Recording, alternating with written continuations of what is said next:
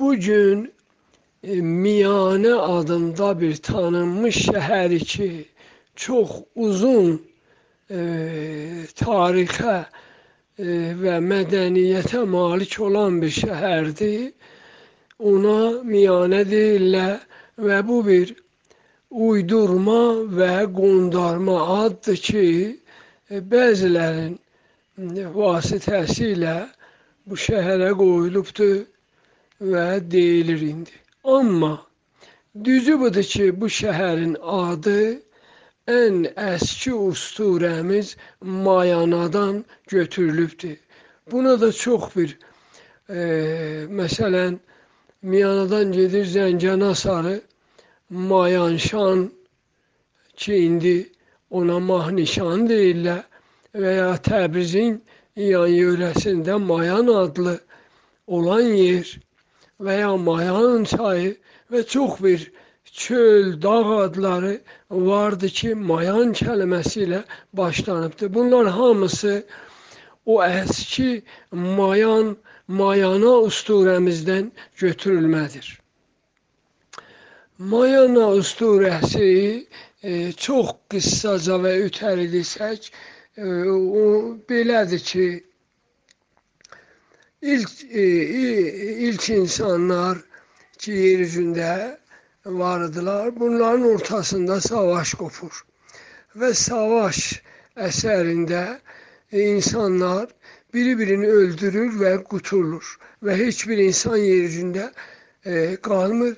Bir dənə uşaq e, oğlan xaylağından savayı heç bir insan yer üzündə qalmır. Bu oğlan uşağının adı Qayraxandır. Həman e, ilah, həman ilk tanrı e, belə bir adlarla tanınıbdır tarixdə. Ancaq ilk insan Qayraxandır. Qayraxan e, acıxıb bir qurda rast gəlir və qurd bunu yeməyə istəyir ki, yesin. Bu uşaq ac idi və təpilir onun, başlayır döşündən o qurdun əmməyə. Qurdun bundan xoşu gəlir və bunu yemir. Yemir və bunu e, adət edir buna və bunu böyüdür. Qayrıxan böyüyəndən sonra ki, cavan və gənc olur, təhlükdə dünyada darıxır. Bu bir usturədir. Darıxır. Neynəsin? Gəlir öz ağzının köpüyündən öz böyrünə yaxır və öz böyründən, yəni öz canından e, özünə bir həyat yoldaşı və ilk xanım ilk qadın ki Türk, Türk dünyasının ilk xanımıdır. Mayana adında yaranır. Qayra xan, Mayana xanım, yəni böyük xanım. Mayana və Bayana, yəni böyük ana.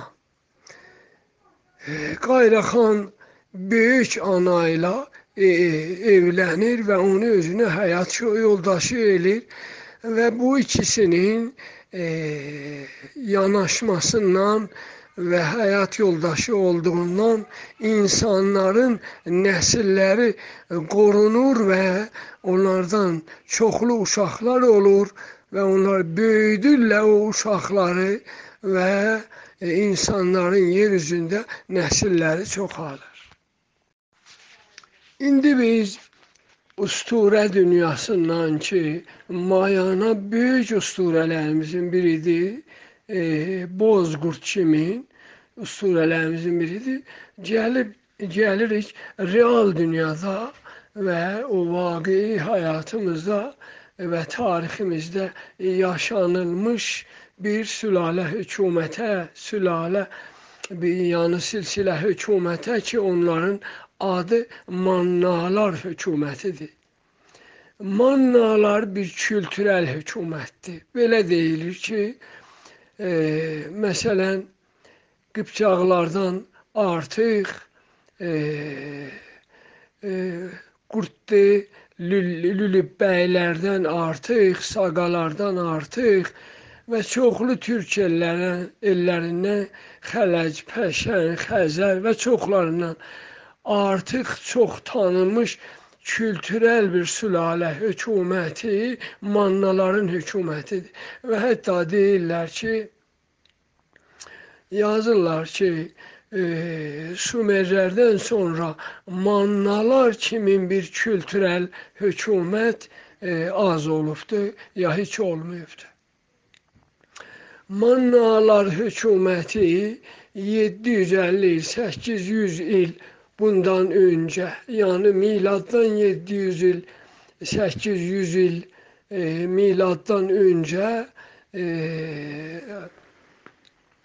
büyük bir sülale hükümet olalı e, indiki hemen Miyane adına tanınmış şehri özüne baş kendi elir. Ki onda bura bir kendimiş. Baş kendi elir, yani payitaxt elir ve oranın adın e, mayana qoyur və hətta öz hökumətlərinin də adın e, mayanın adın qısalmış formasında manna hökuməti e, qoyurlar və hökumət sürürlər.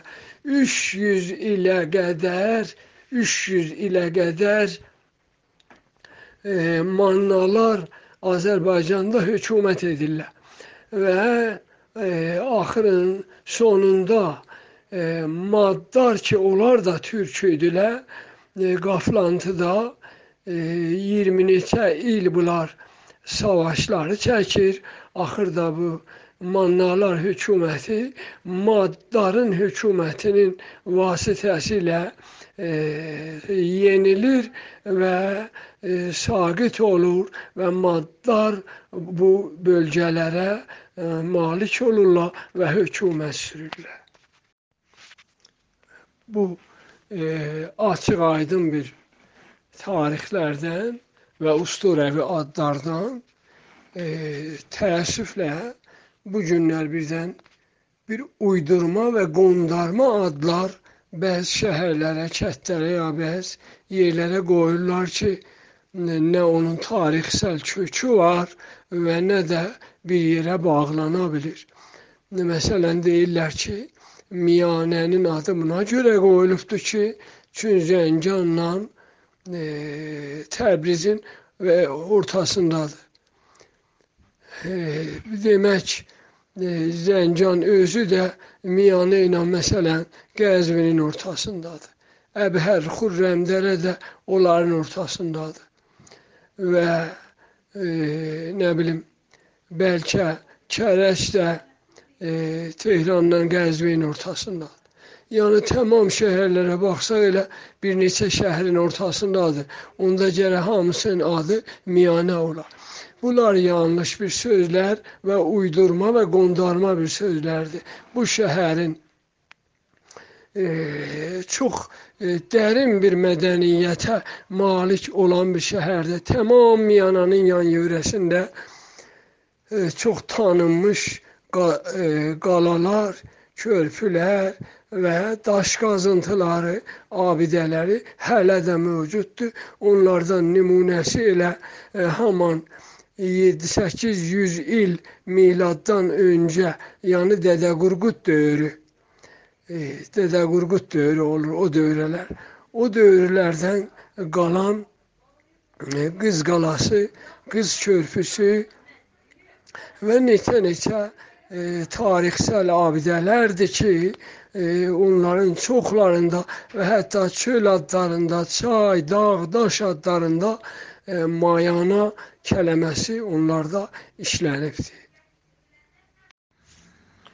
İkinci sorgu ki e, ortaya koyulub e, Zəki xanım sevimli qələmdaş və mütərcim dostumuzun əlindəndir ki e, əlifba və ya alfabet kəlməsinin türkcə olduğunu və ya olmadığını e, gündəmə gətiriblər və bir sorğu kimi. Mən bunu deyə bilərəm ki, dilimizin və hərflərin yaranış tarixi Urniç dövrünə gedir çıxır. Urniç dövrü, yəni bəlkə neçə milyon il bundan qabaq ki, Urniç dövrü ən uzun dövrədir ki, insanlar o dövrədə yaşayıblar və o dövrə e, şəkil dövrüdür. Şəkil dövrlərinin iki hissəyə bölünür. Ki, bir dövrəsində insanlar hər nəyə ki, istəyir birine intiqal versin və köçürsün bir anlamı, onun şəkillərini çəkir, e, köylərin duvarında, daşların üstündə, ağaçların tənəsində. Və e, büsbütün şəkilləri çəkir. Amma 2000-ci dövrə ki, e, Urniç dövrünün ikinci dövrüdür. E, yavaş-yavaş şəkillər yarımçıqlanır, e, qıssalanır e, və daha artıq qıssalanır. Elə çox qıssalanır ki, şəkillər ilk hərflərə çevrilir. Məsələn, e, günəşin əksin ki, bir dairəvi bir şey çəkirlər dövrəsində neçə xətt, e, cızıqçı olar, şua hesab olurdu. Günəşi nişan verirdi ki, yəni gündüzdür, yəni günəş. Yavaş-yavaş o hərflər, o cızıqlar silindi. Bir dənə o e, içi boş dairəvi ki, indi ona o deyilir. Latıncada və ingiliscədə o qaldı. Yəni ilk hərflər bu təhər ya M hərfi, mim hərfi ki Latıncada vardı və ingiliscəyə də gedibdi bunlar. E, məsələn, bir dənə inəyin, öküzün, ya bir buğanın şəklini istəyirdilər ki, kəsinə başının əşin çəkib ona iki göz qoyurdular. Yəni şəkillər bu təhər çevrilib e, yavaş-yavaş hərflərə və sonralar o ortasında iki nöqtələr silinir, gözləri məsələn silinir və elə o qalır və elə hamın davam tapır ki, sonsuz sonralar bir hərfdir. Ya məsələn si hərfi ki o zaman e, bir iki dənə də ulduz onun içində olarmış gecəni nişan verən bir şəkil idi ki, zaman ötərində o ulduzlar silinir və təkcə o si əlaməti ki, gecənin əlamətidir qalır. Mənzur bunu deməkdən budur ki, Urniç dövrünün ikinci dövründə yavaş-yavaş hərflər yaranır.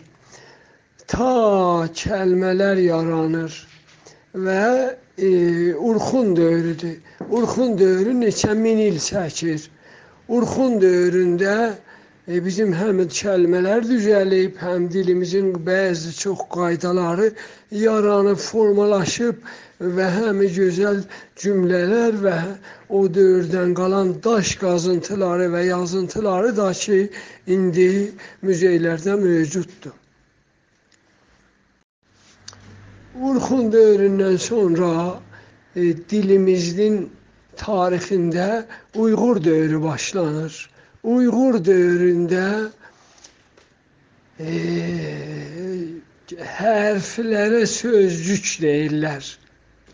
Ta Uyğur dövrünün axırlarına kimi Oğuz ədəbiyyatının başlanış dövrünə kimi, yəni Dədə Qurqud dövrünə kimi e, biz hərflərə sözcük deyirik.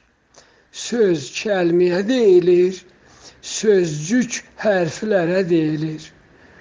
Oğuz ədəbiyyatından daha sonra sonralardır ki, yavaş-yavaş burada bir dəyişimlər olur və o dəyişimlərin prosesində və gəlişməsində yavaş-yavaş e, sözcük kəlməsi kəlmə yerinə oturur, söz yerinə oturur. Yəni ondan sonradır ki, Sami dil, ərəb əlifbası e, bizim e, dilimizə daha artıq təsir qoyur. Heç onda dinsəllik dövrəsi, din, şəriət belə şeylər yox idi. Ondan qabaq da biz ə, samilərlə dil qonşusu olmuşuq indiki ərəblərlə. Odur, ondan sonradır ki, e, yavaş yavaş e, sözcük kəlməsi ki, haman hərflər idi, e, dəyişib, dəyişilib və ərəb əlifbası e, ortaya gəlir. Əlbət, ərəb əlifbası e, Uyğur dövründə bizim dilə gəlindən sonra gəlməmişdən qabaq da iki dənə hərfi ki, e, yəni iki dənə o dövrün sözü sözcük ki, e, biri e, səslilərin nümayen, nümayəndəsidir və biri də səssizlərin nümayəndəsidir. Əlif ilə B idi. Yəni birində ağız e, dodaq e, kamilən açıqdır və səs rahat çıxır. Odur və ona oxşar hərflərin e, ən çox aydın və açıq nümayəndəsi ə hərfidir. Və e, ba dodaqlar bağlanan hərfi ki, onda səs e, eşiyə çıxmır və onda e, B hərfidir. Ki, bu müxtəlif dillərdə, Kirildə, Rus əlifbasında ya məsələn e,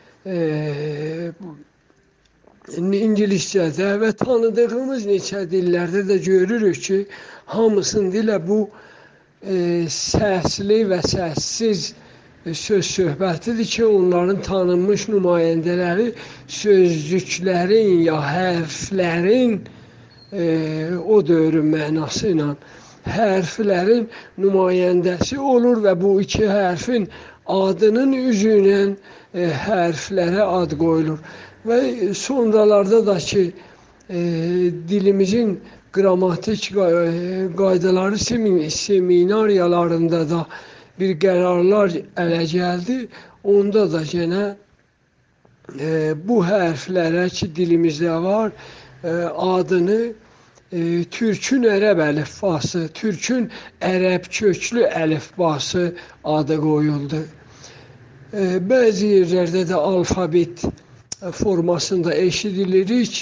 Bu rəsmiyyətə keçilməyib. Bizim dilimizdə alfabet hərfində çox hərflər var. Amma ə, əlifba kəlməsində ki, vardı iki dənə ilk başlanış hərflərdilər ki, işə keçiblər və bunlardan faydalanırıq. Və biz bu gün e, deyirik ki, e, türkümüzün e, ərəb köklü əlifbası və bura kimin rəsmiyyəti deyilən bu deməkdir və bu tərzi deməkdir. Alfabet formasında dilimizdə eynən bu formada keçmişlərdə bir kökdən mənim sorağım yoxdur. Çox sağ olun, çox təşəkkürlər. Bütün qulaq asan dostlar ki, e, etimologiyamızın səsi ilə və etim etimologiyamızla bu anları yaşayırsınız. Çox sağ olun, çox yaşayın.